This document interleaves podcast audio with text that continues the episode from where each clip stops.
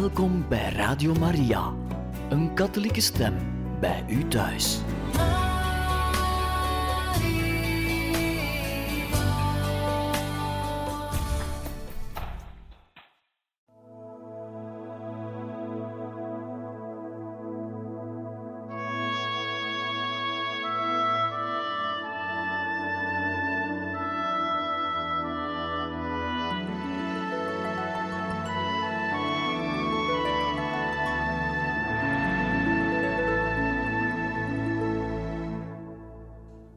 Beste luisteraars van Radio Maria, in dit programma lezen wij verder voor uit het boek Don Bosco van Teresio Bosco en we zijn gekomen bij het hoofdstuk 33, de kleine boefjes van de generala, bij het onderwerp de eerste Salesiaan. Elke week bleef Don Bosco met zijn priesterstudenten in alle stilte bijeenkomen. Hij had het daar over de armoede, de zuiverheid en de gehoorzaamheid, de drie deugden die de kerk steeds als de weg naar God beschouwd heeft. En hij zette hun uiteen dat iedereen die kloosterling wordt, de gelofte aflegt van die deugden, dit wil zeggen, plechtig aan God belooft ze in zijn leven toe te passen. Op het einde van dat eerste jaar scheen Don Rua de best voorbereide te zijn. Daarom zei hij hem: zou je bereid zijn de gelofte van armoede, zuiverheid en gehoorzaamheid voor de tijd van drie jaar af te leggen? Michele, zo vertelde hij later, meende dat het alleen ging om een sterkere binding aan Don Bosco, en hij aanvaarde die. 25 maart 1855, feest van Maria Boodschap. In het povere kamertje van Don Bosco voltrok zich zonder enige plechtigheid een ceremonie.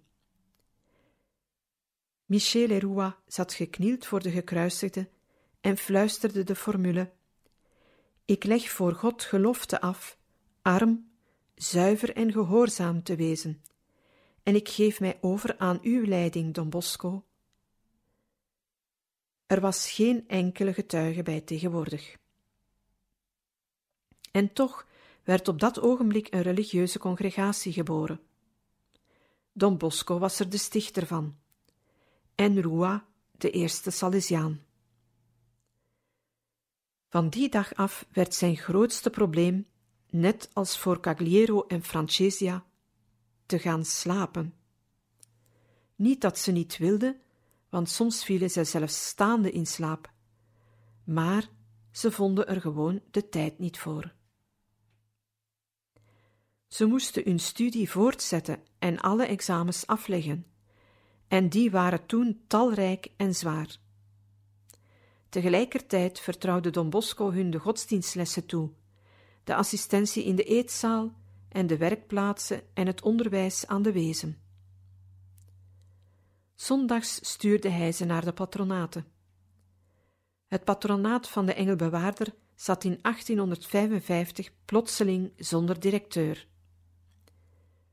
Don Bosco benoemde Michele Rua, 17 jaar oud. Dat patronaat werd vooral door jonge schoorsteenvegers bezocht. Dat waren jongens die in de herfst uit de Aosta-vallei afzakten met touw en rasp. Ze liepen door de straten met karakteristieke roep en hoopten dat de een of ander ze vragen zou hun schoorsteen te vegen, voor het winterseizoen begon. Dan konden de haarden goed trekken en werden de kamers lekker warm.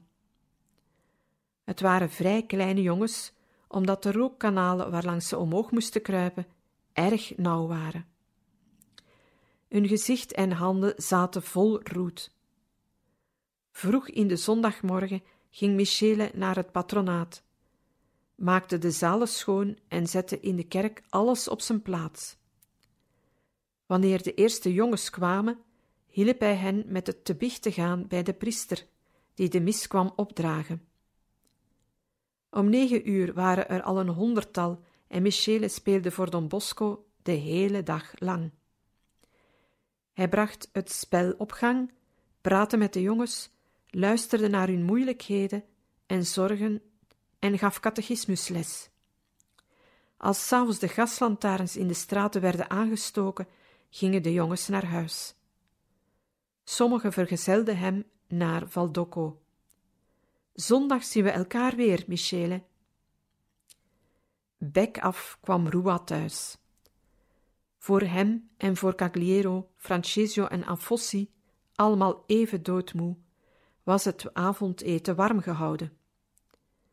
Daarna klauterde ze naar het dakkamertje waar in bed stond. Michele herinnerde zich nog dat hij onmiddellijk in slaap viel. En Cagliero werd op een maandagmorgen in een stoel wakker met zijn sokken nog in de hand.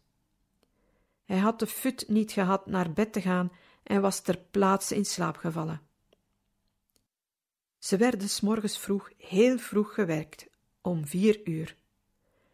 Giovanni Cagliero wist daar nog over te vertellen. De winter in Turijn was geen grapje. Ons dakkamertje, dat natuurlijk vlak onder het dak lag, was niet verwarmd en had geen stromend water. Om ons te wassen vulden wij s'avonds de lampetkannen met water. Maar dat water was s morgens één blok ijs.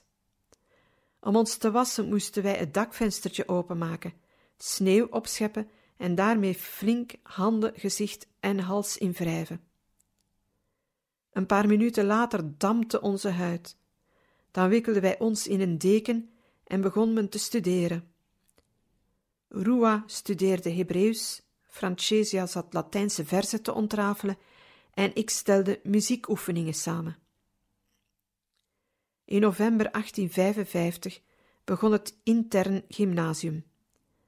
Naast al zijn andere bezigheden werd Francesia ook nog leraar letterkunde. Rua leraar wiskunde en Cagliero leraar muziek. Soms rees de gedachte: is Don Bosco gek om zijn jonge helpers zo te laten slaven tussen studie en arbeid? Maar wanneer zijn ze gestorven? Giovanni Cagliero werd kardinaal en stierf toen hij 88 jaar oud was.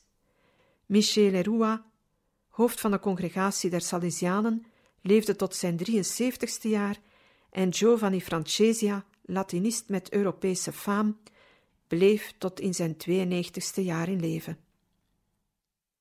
Don Bosco wist dat hard werken daarom nog niet vroeg sterven betekende. Oog in oog met de minister. Wanneer politieke karikaturisten van die tijd regeringsleden tekenden, had Camillo Cavour een lijf van een kater met een lange snor en Urbano Ratazzi, de minister van Binnenlandse Zaken, was een dikke muis. Gatas en Ratas waren hun gebruikelijke bijnamen in Turijn. Bij Ratazzi had Don Bosco vrije toegang ook al waren hun politieke ideeën diametraal tegengesteld. De minister van Binnenlandse Zaken waardeerde Don Bosco omdat hij werkte voor het welzijn van het volk en omdat hij juist door arme jongens op te nemen de regering een last afnam. In 1845 was op de weg naar Stupinigi een nieuwe gevangenis in Turijn in gebruik genomen, de Generala. Het was een verbeteringsgesticht voor jongens. Men kon er driehonderd huisvesten. Don Bosco bezocht die gevangenis regelmatig en trachtte er vrienden te vinden. Ze waren meestal veroordeeld wegens diefstal of landloperij. De jongens waren in drie categorieën ingedeeld: de gevaarlijke, die s'nachts in cellen werden opgesloten, de minder gevaarlijke, die er zaten om via het gevangenissysteem de goede weg terug te vinden, en degene die in gevaar verkeerden. Die zaten er alleen omdat iemand ze beu was en ze daarom bij de politie had afgeleverd. Hun bezigheden waren veldarbeid en arbeid in interne werkplaatsen, die door een broeder van de christelijke scholen georganiseerd waren.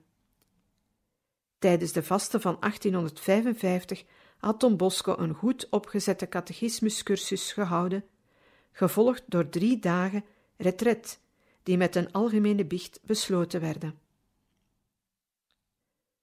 Don Bosco was zo door hun goede wil getroffen dat hij hun iets speciaals beloofde. Hij ging naar de directeur en stelde hem voor een leuk uitstapje naar Stupinigi voor de gevangenen te organiseren.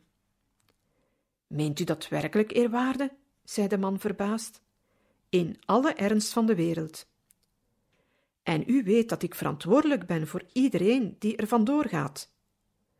Er zal er geen één vluchten, daar geef ik mijn woord op. Luister, het is nutteloos daar langer woorden aan te verspillen. Als u een dergelijke toestemming wenst, gaat u dan maar naar de minister. Don Bosco ging naar Ratazzi en zette hem in alle kalmte zijn plan uiteen. In orde, zei de minister. Een wandeling zal de jonge gevangene zeker goed doen. Ik zal de nodige aanwijzingen geven dat er langs de weg voldoende agenten in burger zullen zijn. O nee, kwam Don Bosco kordaat tussen beiden. De enige voorwaarde die ik stel is dat we niet bewaakt worden. En u moet mij daarop uw erewoord geven. Het risico neem ik op mij. Als er één de plaat poetst, stopt u mij in de nor. Beiden begonnen te lachen. Toen werd Ratazzi ernstig.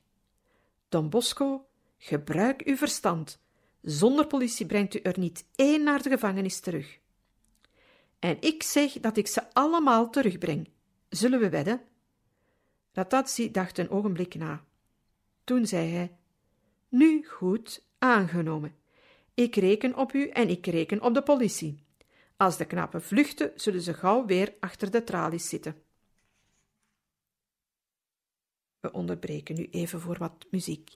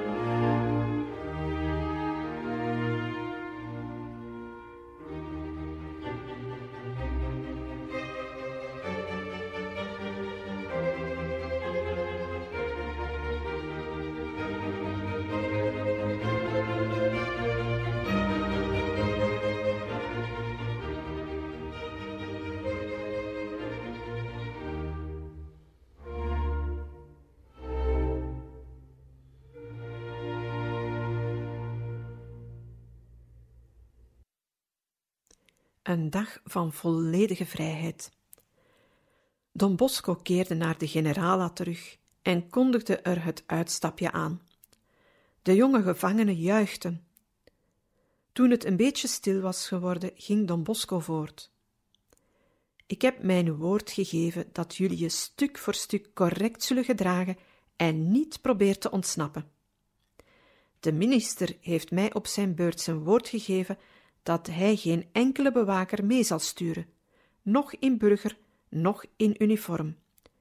Maar nu moeten jullie mij op jullie beurt je woord geven. Als er ook maar één vlucht, sta ik voor schut.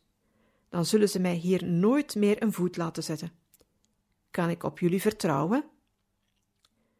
Ze praten een tijdje onder elkaar en toen antwoordde de grootste hem: Wij geven u ons woord we zullen allemaal terugkomen en ons goed gedragen.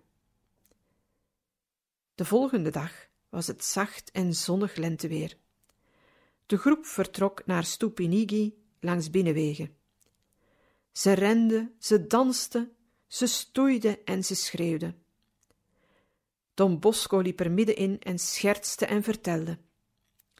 De ezel met de vracht provisie liep voorop. In Stupinigi las Don Bosco de mis en daarna werd er gepiknikt op het gras en leefden ze zich uit in wedstrijden en spelen langs de rivier Sangone. Ze bezochten het park en het koninklijk kasteel.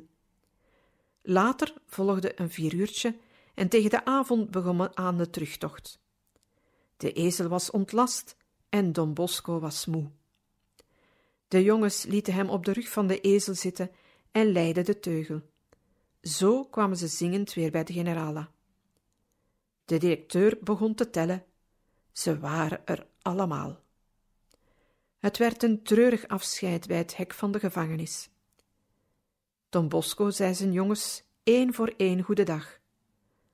Bekommerd keerde hij naar huis terug, omdat hij ze slechts voor één dag had kunnen bevrijden. Maar toen aan de minister verslag werd uitgebracht, vond hij het schitterend. Hoe speelt u zoiets klaar en wij niet? vroeg hij op een dag aan Don Bosco. Omdat de staat beveelt en straft. Meer kan hij niet doen. Maar ik, ik hou van die jongens. En als priester bezit ik een macht die u niet kunt begrijpen. Negen bladzijden om zijn systeem uit te leggen. Menigmaal vroeg iemand Don Bosco zijn opvoedingssysteem in een boek uiteen te zetten. Gebrek aan tijd en de onmogelijkheid zich rustig te bezinnen op de beginselen van zijn opvoedkundig systeem verhinderde hem ons een wetenschappelijk werk na te laten. In 1876 ging hij toch aan de slag en schreef een schets van het opvoedkundig systeem ten gebruike in de huizen van de Salesianen. Het zijn negen bladzijden die hij als aanhangsel aan de regel van de Salesianen heeft toegevoegd, met het verzoek zich vaak op die paar bladzijden te bezinnen. Wij vatten ze hier samen maar herhalen dat het geen wetenschappelijk werk is, doch slechts aantekeningen tot stand gekomen onder druk van de haast, de dringende bezigheden en de zware problemen van dat jaar. Maar er zit iets heel levendigs in. De opdracht, namelijk, die Don Bosco in zich droeg en die wellicht nooit beter op papier had kunnen worden gezet. Don Bosco ziet, kort gezet, twee grote manieren van opvoeden. Het repressieve systeem, gebruikelijk in de staat en in het leger, het bestaat uit het afkondigen van de wet aan de onderdanen en daarna het toezien om de overtredingen te constateren en te bestraffen. In dat systeem moet harde taal gesproken worden. Een superieur moet elke gemeenzaamheid met zijn ondergeschikte vermijden en zich verre van hen houden. Het preventieve systeem, dat hij in zijn werk toegepast wil zien. Hier zet Don Bosco het preventieve systeem uiteen, zoals hij het opvat en in zijn patronaat altijd toegepast heeft. Dit systeem berust helemaal op redelijkheid, godsdienst en beminnelijkheid. Het sluit elke zware straf uit en tracht zelfs lichte bestraffingen te vermijden. Een directeur en zijn assistenten zijn als liefdevolle vaders. Ze praten, ze geven leiding, goede raad en corrigeren in alle beminnelijkheid. Een leerling wordt niet vernederd, wordt een vriend, ziet in de helper een weldoener die hem goed wil doen, hem onaangenaamheden, straffen en schande wil sparen. Een opvoeder die het hart van zijn beschermeling veroverd heeft, zal hem later ook als volwassene volgen, hem raad geven en ook corrigeren. De toepassing van dit systeem steunt helemaal op de woorden van Paulus, die zegt: De liefde is langmoedig en goedertieren. Zij duldt alles, hoopt alles en verdraagt alles. Daarom kan alleen een christen dit systeem met succes toepassen. Redelijkheid en godsdienst zijn de werktuigen die de opvoeder voortdurend moet gebruiken. Daaruit volgt dat een directeur zich volledig aan zijn pupillen moet wijden en steeds bij hen moet zijn, vooral in hun vrije tijd. Bij wat nu volgt had Don Bosco vooral de colleges op het oog, die sedert 1876 het merendeel der Salesianen bezighielden. Don Bosco van de patronaten treedt hier op de achtergrond. De meesters, de werkplaatsleiders, de assistenten moeten zedelijk hoogstaande mensen zijn. Elke soort genegenheid of bijzondere vriendschap met de leerlingen moet zorgvuldig vermeden worden. In de mate van het mogelijke moeten de assistenten altijd eerder dan de leerlingen in het lokaal zijn, waar ze moeten komen en hen nooit zonder bezigheid laten.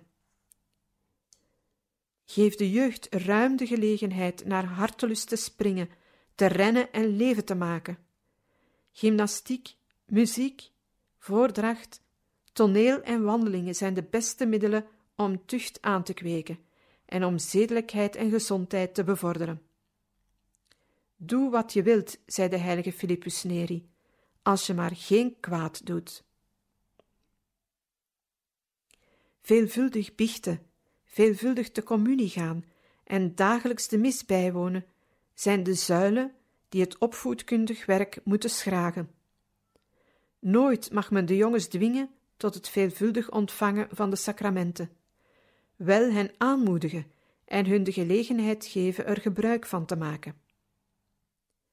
Een opvoeder is iemand die zich volkomen aan het welzijn van zijn leerlingen geeft en die daarom ook bereid moet zijn elk ongemak en alle moeite te verduren om zijn doel te bereiken.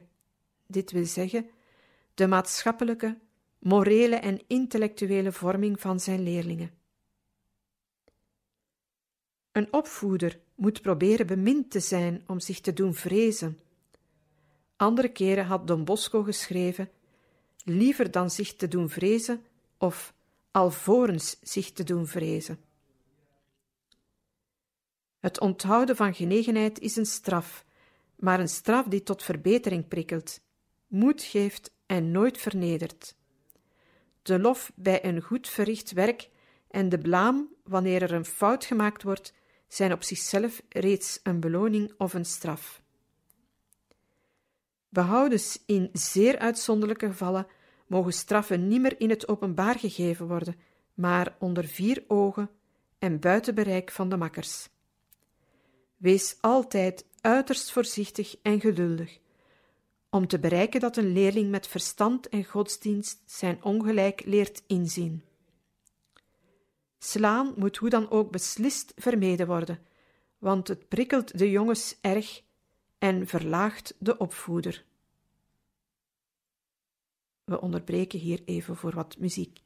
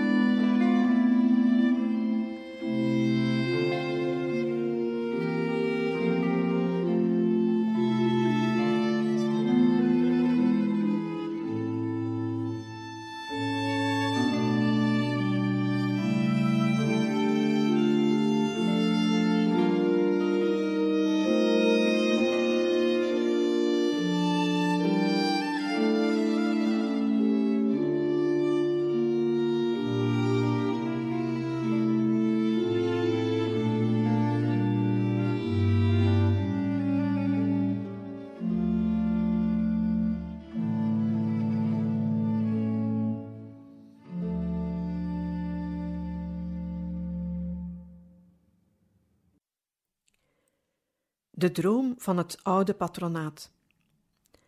Laat Don Bosco moeite hebben met het schrijven van traktaten, hij is een meester in het weergeven van werkelijke dingen, in het vertellen. Veel deskundigen vinden dat zijn traktaatje over het preventieve systeem nogal pover is. Maar dat zijn droom van 1884 in een brief vertelt, de meest levendige en fascinerende uiting is van zijn opvoedingsgenie. In dat jaar bevond Don Bosco zich in Rome. Het was in de maand mei. Om er belangrijke zaken in verband met zijn congregatie te regelen. S'nachts zag hij het oude patronaat, waarin Domenico Savio, Michelino Rua en Giovanni Cagliero woonden, en hij kon het vergelijken met het Valdocco van 1884. Hij dicteerde een brief met datum 10 mei 1884. Die droombrief kan als een van de beste en rijkste pedagogische documenten van Don Bosco beschouwd worden, zegt Pietro Stella. Hier is de samenvatting. Het scheen mij toe dat ik mij in het oude patronaat bevond op het uur van de speeltijd. Wat een schouwspel! Een en al leven, beweging en vrolijkheid. Ze renden en sprongen en deden allerlei spelletjes. Ergens stond een groep jongens rondom een priester die een verhaaltje vertelde. Ze hingen aan zijn lippen. Weer ergens anders was er een priesterstudent die te midden van andere jongens blinde mannetjes speelde. Overal werd gelachen en gezongen en overal waren priesters en priesterstudenten die jongens om zich heen hadden en plezier maakten. Men kon merken dat er tussen de jongens en hun overste een sfeer van hartelijkheid en vertrouwen heerste. Ik was in de wolken om dat tafereel en mijn metgezel zei me: Kijk, vertrouwelijkheid brengt genegenheid en genegenheid schept vertrouwen. Dat opent de harten en de jongens vertrouwen alles zonder vrees aan hun meesters, assistenten en oversten toe. Ze worden openhartig in en buiten de bicht en voldoen gewillig aan alles wat iemand die van hen houdt hun vraagt. Op dat ogenblik kwam een oud leerling naar mij toe, Giuseppe Buzetti, en zei: Wilt u nu eens de jongens zien die heden ten dagen in het patronaat zijn? En ik zag jullie allemaal terwijl jullie aan het spelen waren. Maar ik hoorde geen vreugdekreten en geen gezang en ook niet meer het leven en de beweging van de eerste keer. Op de gezichten was verveling, lusteloosheid en wantrouwen te lezen. Velen speelden gedachteloos en anderen stonden alleen, leunend tegen een pilaar of staande op de trappen. En weer anderen keken achterdochtig om zich heen. De heilige Aloysius zou zich in hun gezelschap niet op zijn gemak gevoeld hebben. Wat zijn ze anders dan wij vroeger? riep Buzetti uit. Helaas, maar hoe kunnen wij die dierbare jongens weer laten opleven? Door genegenheid. Maar wordt er dan niet genoeg van mijn jongens gehouden? Je weet toch welke moeite en vernederingen ik mij getroost heb, en nog getroost, om ze brood, onderdak, meesters en vooral zielenvreugde te schenken en de directeuren, prefecten, meesters en assistenten wijden hun jonge jaren aan hen. Hier ontbreekt echter het allerbelangrijkste, hield Buzetti vol. De jongens moeten niet alleen bemind worden, maar ze moeten weten en voelen dat ze bemind worden. Maar zien ze dan niet dat al wat wij doen gebeurt uit liefde voor hen? Nee. Maar wat wil je dan? De liefde moeten ze ondervinden in dingen die hen naar hun zin zijn, in ons deelnemen aan hun kinderlijke neigingen. Dan leren ze ook liefde zien in de dingen die hun van nature minder bevallen, zoals tucht, studie en zelfbeheersing. Om het nog duidelijker te zeggen, kijk eens naar de jongens op de speelplaats. Waar zijn onze Salesianen? Ik zag dat maar weinig priesters en priesterstudenten zich onder de jongens bevonden en nog minder van hen aan hun ontspanning deelnamen.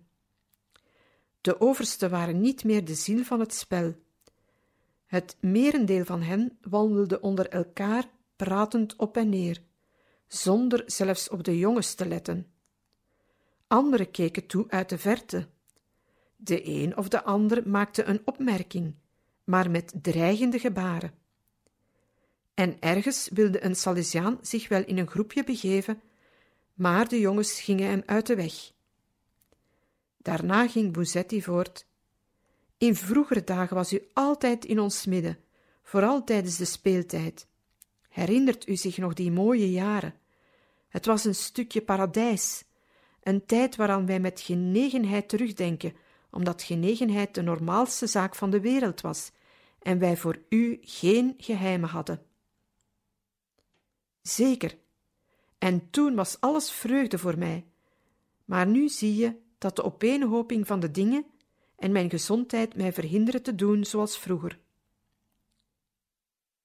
Maar als u het niet langer kunt, waarom nemen uw Salesianen dan uw plaats niet in? Zij moeten graag doen wat de jongens graag willen, en dan zullen de jongens ook graag doen wat de overste willen. Nu worden de overste als overste beschouwd en niet meer als vaders, broers en vrienden. Daarom worden zij gevreesd en weinig bemind. Als je dus één hart en één ziel wilt vormen, moet je uit liefde tot Jezus het wantrouwen doorbreken en door hartelijkheid vervangen. Gehoorzaamheid moet de leerling leiden zoals een moeder haar kindje leidt. Dan zullen de vrede en de vrolijkheid van vroeger weer heersen in het patronaat. Hoe doorbreken wij die barrière? Door weer gemoedelijk met de jongens om te gaan, vooral in de vrije tijd. Zonder gemoedelijkheid toont men geen genegenheid, en die moet er zijn om vertrouwen te winnen. Wie bemind wil worden, moet tonen dat hij zelf lief heeft. Jezus Christus is klein geworden met de kleinen, en hij heeft onze zwakheden gedragen. Hij is de meester van de gemoedelijkheid. Een meester die alleen op de katheder te zien is, is meester en niets meer. Maar als hij zijn vrije tijd met de jongens doorbrengt, wordt hij hun broer. Wie liefde vindt, die geeft zijn hart. En wie bemind is, krijgt alles gedaan, vooral van jongens. Door dit vertrouwen springt de vonk over tussen jongens en overste. In deze liefde vinden de overste de kracht om alles te verdragen: vermoeienis, afkeer, ondank, last, verzuim en nalatigheid van de jongens. Jezus Christus heeft het geknakte riet niet gebroken en het vlakkende vuur niet gedoofd. Hij is uw model. Dan wordt er niet meer gewerkt voor ijdele roem, niet meer gestraft louter ongekwetste eigenliefde te wreken, dan verliest men niet meer zijn hart aan de een met verwaarlozing van alle andere jongens. Dan is men niet meer bang uit menselijk opzicht iemand te vermanen die vermaand moet worden. Waarom wil men toch de liefde inruilen voor de kilte van een reglement? Don Bosco sloot zijn lange brief af met de volgende woorden die hij onder tranen dicteerde, door het getuigenis van zijn secretaris. Een jongen hoeft maar in een Salesiaans huis te komen en onze lieve vrouw neemt hem meteen onder haar speciale bescherming. O mijn dierbare zonen, de tijd nadert waarop ik jullie allen zal moeten verlaten en naar mijn eeuwigheid vertrekken. Weten jullie wat deze oude man, die heel zijn leven aan zijn dierbare jongens heeft besteed, van jullie verlangt? Niets anders dan dat de heerlijke dagen van het oude patronaat herleven, de dagen van genegenheid en vertrouwen ter liefde van Jezus Christus, de dagen van openhartigheid in alle eenvoud en oprechtheid, de dagen van warme liefde en ware vrolijkheid voor iedereen. We onderbreken hier even voor wat muziek.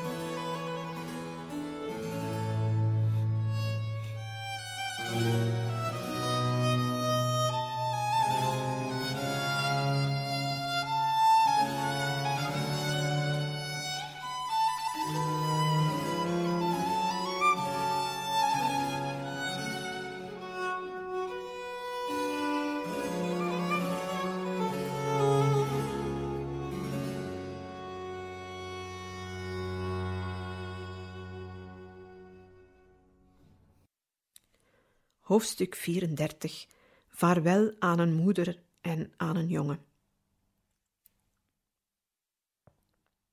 Op de eerste zondag van april 1855 hield Don Bosco tot zijn jongens een preek over de heiligheid. Sommigen haalden er hun neus voor op.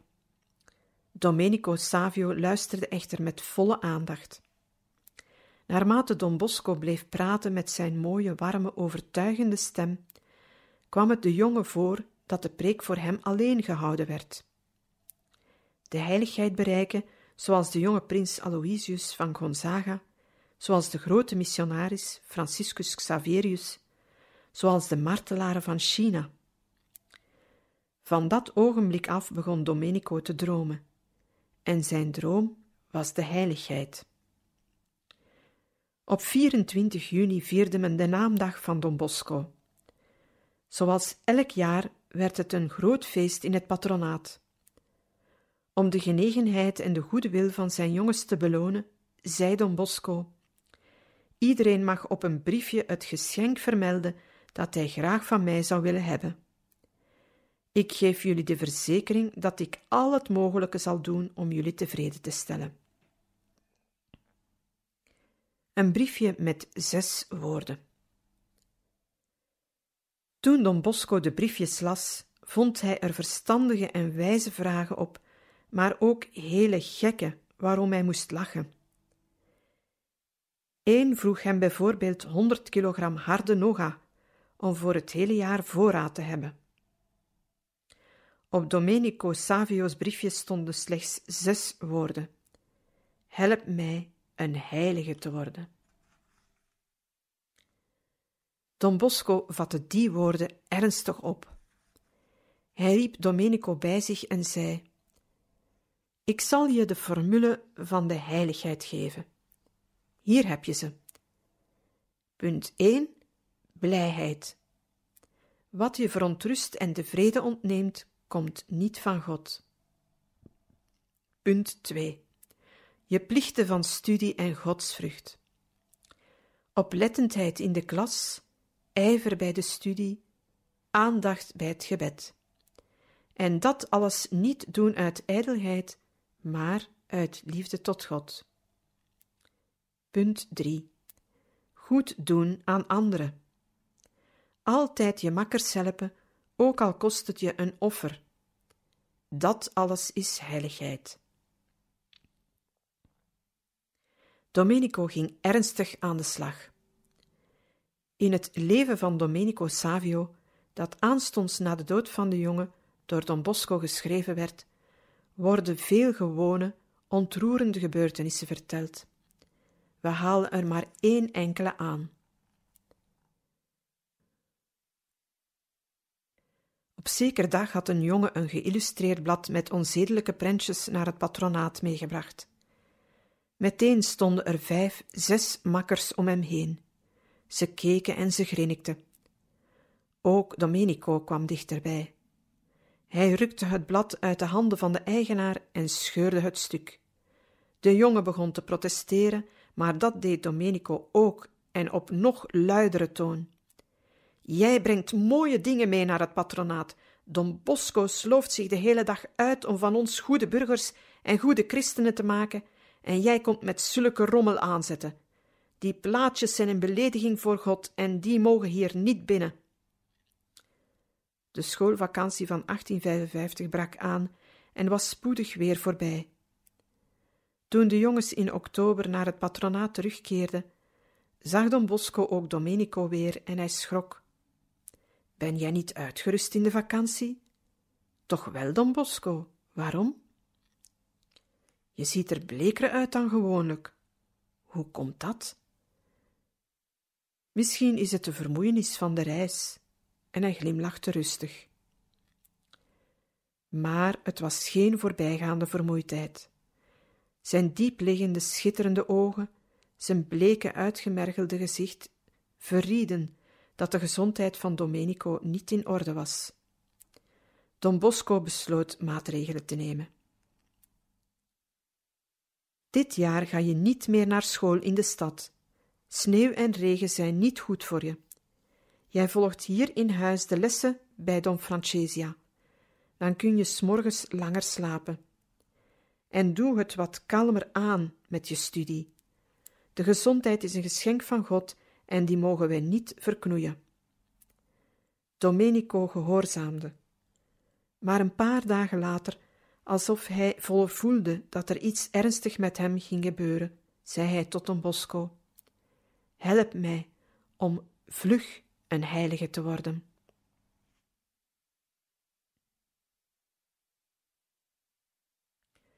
De compagnie van de Maagd Maria. Domenico werd erg bevriend met Michele Rua en Giovanni Cagliero, al waren die respectievelijk vijf en vier jaar ouder dan hij. Andere vrienden van hem waren de beste jongens die de laatste jaren in het patronaat waren aangekomen: Bon Giovanni, Durando, Gavio, Massaglia. Begin 1856 waren er 153 interne leerlingen in het patronaat, 63 studenten en 90 jongens voor de vakopleiding. In de lente kwam Domenico met een idee. Waarom zouden de meest goedwillende jongens zich niet aansluiten in een geheime vereniging? Dan konden ze een groep kleine apostelen zijn te midden van de anderen. Hij sprak er met enkele over. En dat idee vond bijval. Ze besloten de groep Compagnie van de Maagd Maria te noemen. Don Bosco gaf toestemming, maar raadde aan niet overhaast te werk te gaan. Ze moesten maar proberen een klein reglement op te stellen. Daarna zou er opnieuw over gepraat worden. En ze probeerden het. In hun eerste vergadering werd besproken wie ze zouden vragen lid te worden. Dat moesten er maar weinig zijn die betrouwbaar waren en iets geheim konden houden. Er werd gediscussieerd over Francesia, de jonge leraar letterkunde, een erg aardige jongeman en een vriend van iedereen. Toch werd hij geweerd omdat hij een kletskous was. Het geheim zou bij hem zeker geen lang leven hebben. De vergadering stelde drie leden aan om een reglement te ontwerpen. Michele Rua, 19 jaar, Giuseppe Bongiovanni, 18 jaar en Domenico Savio, 14 jaar. Maar Don Bosco beweert dat de tekst door Domenico Savio zelf geschreven was. De anderen hadden hem alleen bijgeschaafd. Het kleine reglement bestond uit 21 artikelen.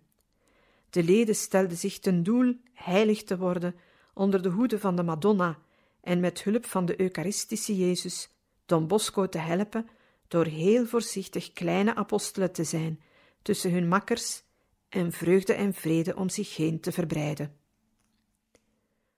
Het laatste artikel 21 vatte de geest van de compagnie samen. Een oprecht, kinderlijk, onbegrensd vertrouwen in Maria, een buitengewone genegenheid tegen haar, een voortdurende godsvrucht zullen ons elke hinderpaal doen overwinnen, ons sterk maken in onze besluiten, streng jegens onszelf, vriendelijk jegens onze naaste en stipt in alles.